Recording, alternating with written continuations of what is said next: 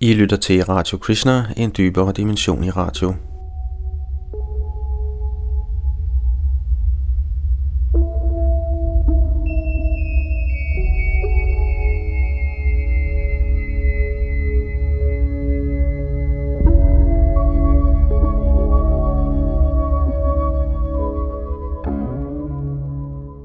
I det kommende vil vi kigge på en tekst skrevet af Sariputta Das, der hedder Paradoxer i tid og rum, hvor han diskuterer den vediske litteraturs tids- og afstandsangivelser i forhold til moderne videnskab, og her i særdeleshed Einsteins relativitetsteori.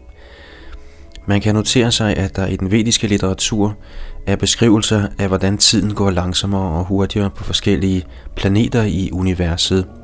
Og det her det er jo interessant, fordi Einstein beskrev noget lignende i sin relativitetsteorier, i særdeleshed i det, der kaldes tvillingeparadoxet.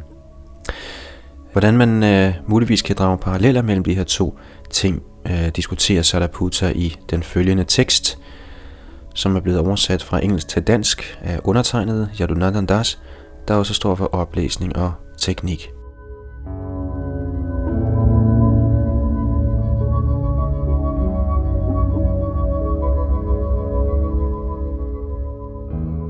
Paradoxer i tid og rum af Sariputta Das. Forestil jer, at en mand rejser ud i rummet i en raket med nær lysets hastighed, for senere at vende tilbage til jorden. Ifølge Einsteins relativitetsteori vil manden opdage, at han har ældes mindre end sin enæggede tvillingebror, der blev hjemme. Der vil have gået mindre tid i den hurtige raket end på den langsommere jordplanet. Denne tidsmæssige ulighed kaldes ofte udvidelse. Denne historie kaldes tvillingeparadoxet, fordi den strider imod det, man normalt forventer.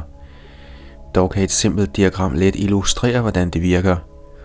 Og her har Sadaputa givet et diagram, som vi jo ikke kan vise jer i radioen, men lad os se, om vi ikke kan visualisere det alligevel ved at høre beskrivelsen. Tvillingeparadoxet i Einsteins relativitetsteori. Når tid måles ved hjælp af pulserende lys, der springer mellem to spejle, bliver værdien større, hvis spejlene er stationære, end hvis de bevæger sig med en hastighed tæt på lysets.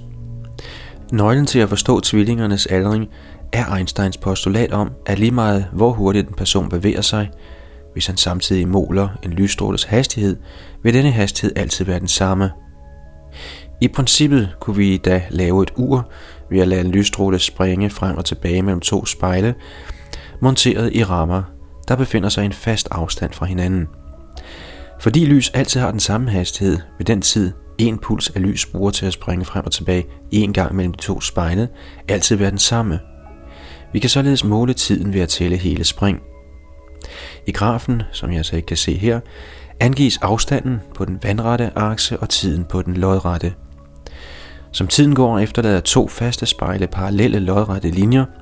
En puls af lys, der springer frem og tilbage mellem de to spejle, efterlader et zigzag mønster, og i dette diagram kan vi tælle 10 hele spring. Linjeparet, der bevæger sig til højre og dernæst til venstre og danner et V, repræsenterer bevægelsen hos et par spejle, der bevæger sig først til højre og så til venstre.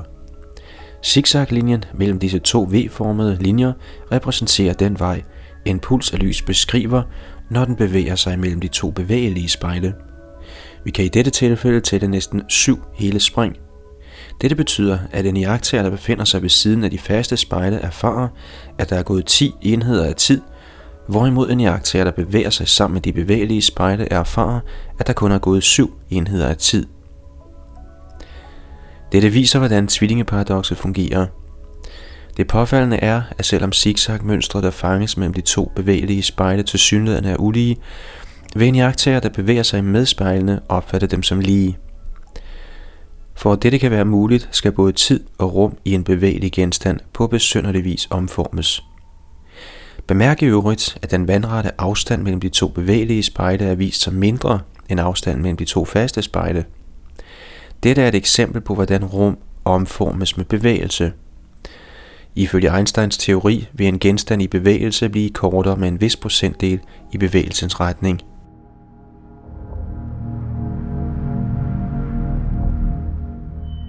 Udover den bevægelsesbetingede udvidelse af tid, omtaler Einstein også tidsudvidelse forårsaget af gravitation. Forestil jer en lysstråle rettet opad i forhold til jordens overflade. Ifølge fysikkens lov taber lyset energi, fordi det bevæger sig modsat tyngdekraften. En lysstråles frekvens er proportional til dens energi. Når lyset bevæger sig opad, vil frekvensen følgelig falde.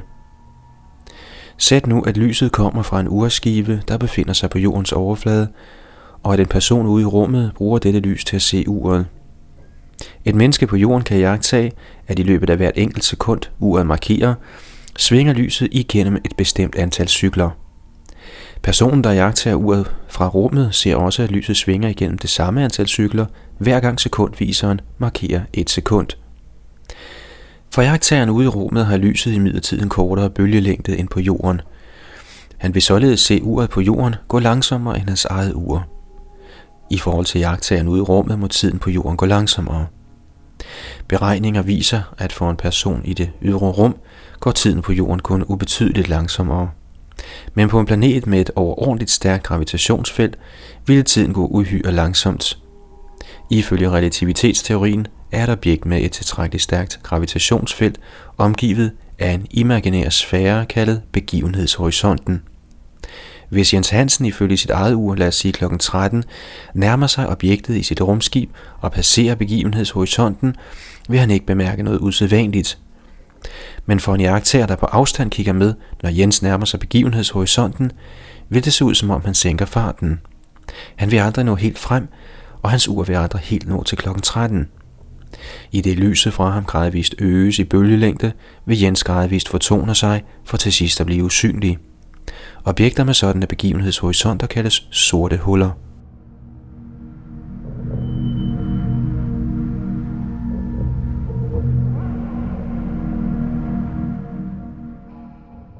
Disse eksempler viser, at moderne fysik tillader usædvanlige omformninger af tid og rum.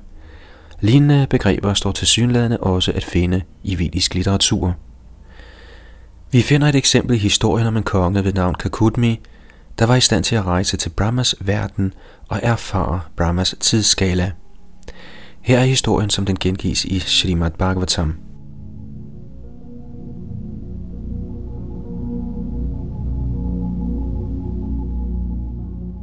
Sammen med sin datter Revati drog Kakudmi til herren Brahma i Brahmaloka, der er transcendental til naturens tre kvaliteter, og anmodede om en ægte mand til hende. Da Kakudmi ankom, var Brahma optaget af at lytte til Gandharvernes musik, og havde slet ikke tid til at tale med ham. Derfor ventede Kakudmi, og da koncerten var færdig, viste han Brahma sin erbødighed og forelagde så sit mangeårige ønske. Da Brahma, der er yderst mægtig, hørte hans forespørgsel, lå han højt og sagde til Kakudmi, O konge, alle dem du i dit hjertes inderste har ønsket som svigersøn, er i tidens løb gået bort. 27 Chaturyugaer er allerede gået. Dem du måtte have i scene er nu væk, til lige med deres sønner, sønnesønner og andre efterkommere. Du kan end ikke høre om deres navne.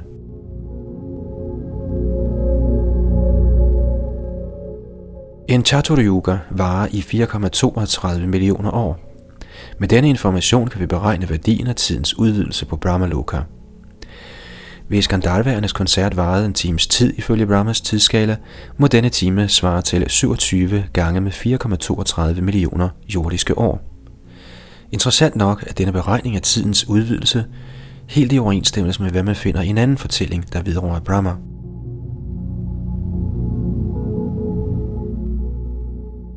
Det er historien, der kaldes Brahma Vimohan Lila eller Krishna forvirrer Brahma. For mange tusind år siden nedsteg Krishna som avatar til jorden, og i sin leg som ung rygterdreng passede han kalve i Vrindavans skove, der ligger syd for vor tids New Delhi. For at prøve Krishnas magt, brugte Brahma mystisk kraft til at stjæle Krishnas kalve og rygterkammerater og gemme dem hensat i dvale på et afsides sted. Derpå tog han afsted og var væk i et jordisk år for at se, hvad der ville ske. Krishna reagerede på Brahmas fif ved at udvide sig selv til identiske kopier af alle kalve og drenge. Da Brahma vendte tilbage, så han således, at Krishna legede med drengene og kalvene akkurat som før. Brahma blev forvirret. Da han undersøgte de drenge og kalve, han havde gemt væk, opdagede han, at de ikke var til at skælne fra dem, Krishna legede med, og han kunne ikke fatte, hvordan dette kunne lade sig gøre. Til sidst afslørede Krishna for Brahma, at det andet hold drenge og kalve var identiske med ham selv, og han tillod Brahma direkte at se den åndelige verden.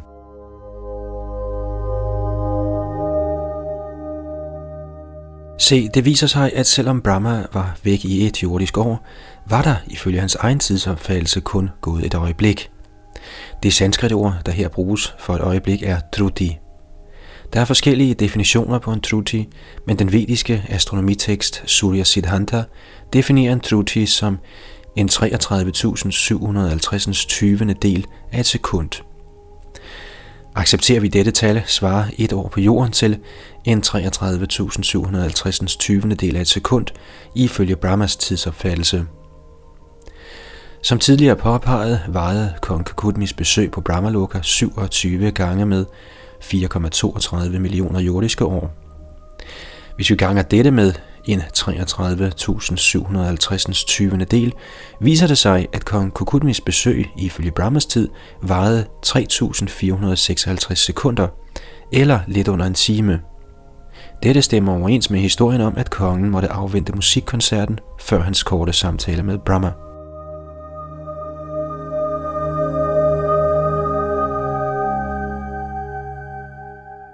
Selvom tidsudvidelsen forbundet med besøg på Brahmaloka er ekstrem, opstår sådanne store udvidelser af tid faktisk i moderne fysikteorier. Sæt for eksempel, at Jens Hansen ikke overskred begivenhedshorisonten af et sort hul, men blot kom tæt på, for senere at bevæge sig tilbage ud i rummet og genforenes med personen, der jagtog hans rejse. Var han kommet tilstrækkeligt tæt på begivenhedshorisonten, ville han opdage, selvom rejsen forekom ham kort, at millioner af år var gået, og at jagttageren for længst var død.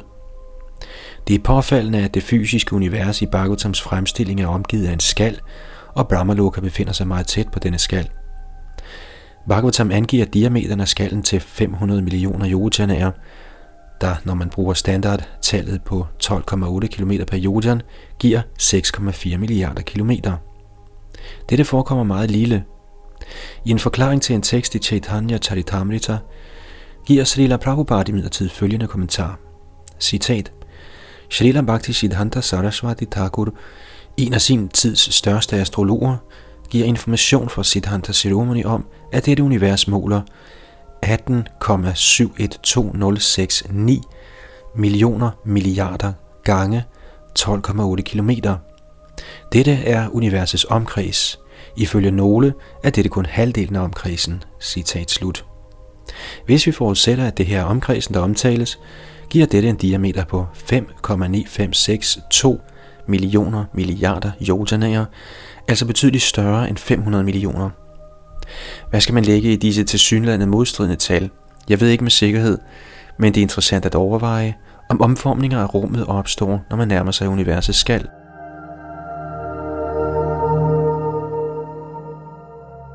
Tidsudvidelsen i Brahmaloka-fortællingerne viser, at omformningen af tid finder sted, når man nærmer sig skallen, og i relativitetsteorien omformes tid og rum sammen.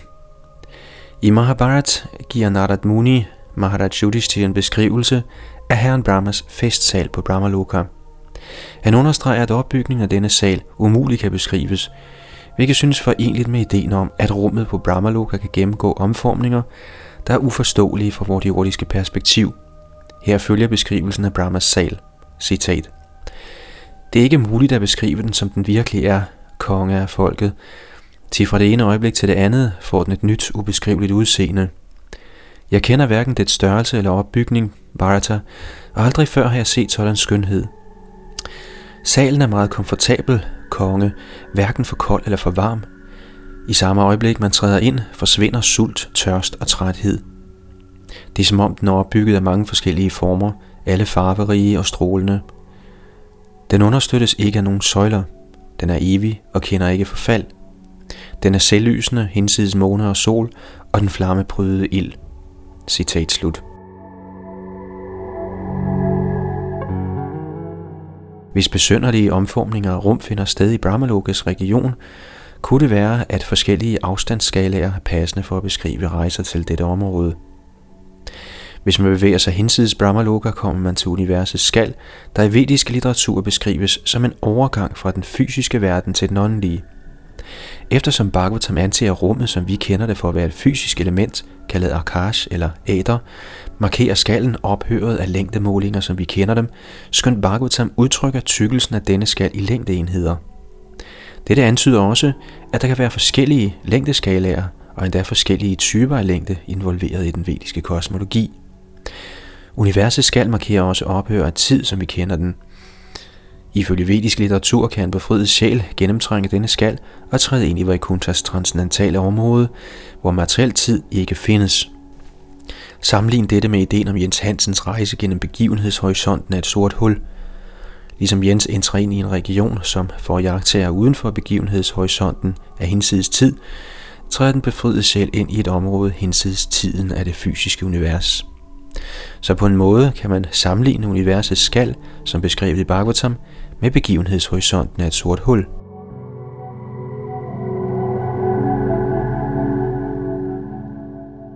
Disse sammenligninger af begreber fra Bhagavatam og begreber fra moderne fysik er i bedste fald upolerede og bør alene betragtes som metaforer.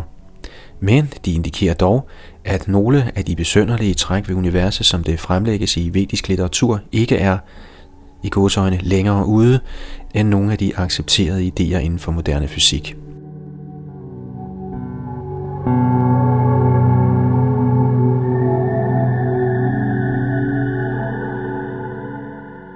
Og det sagde altså Sardaputa i det her essay, der hedder Paradoxer i tid og rum. Her oplæst og redigeret af Yadunandan Das.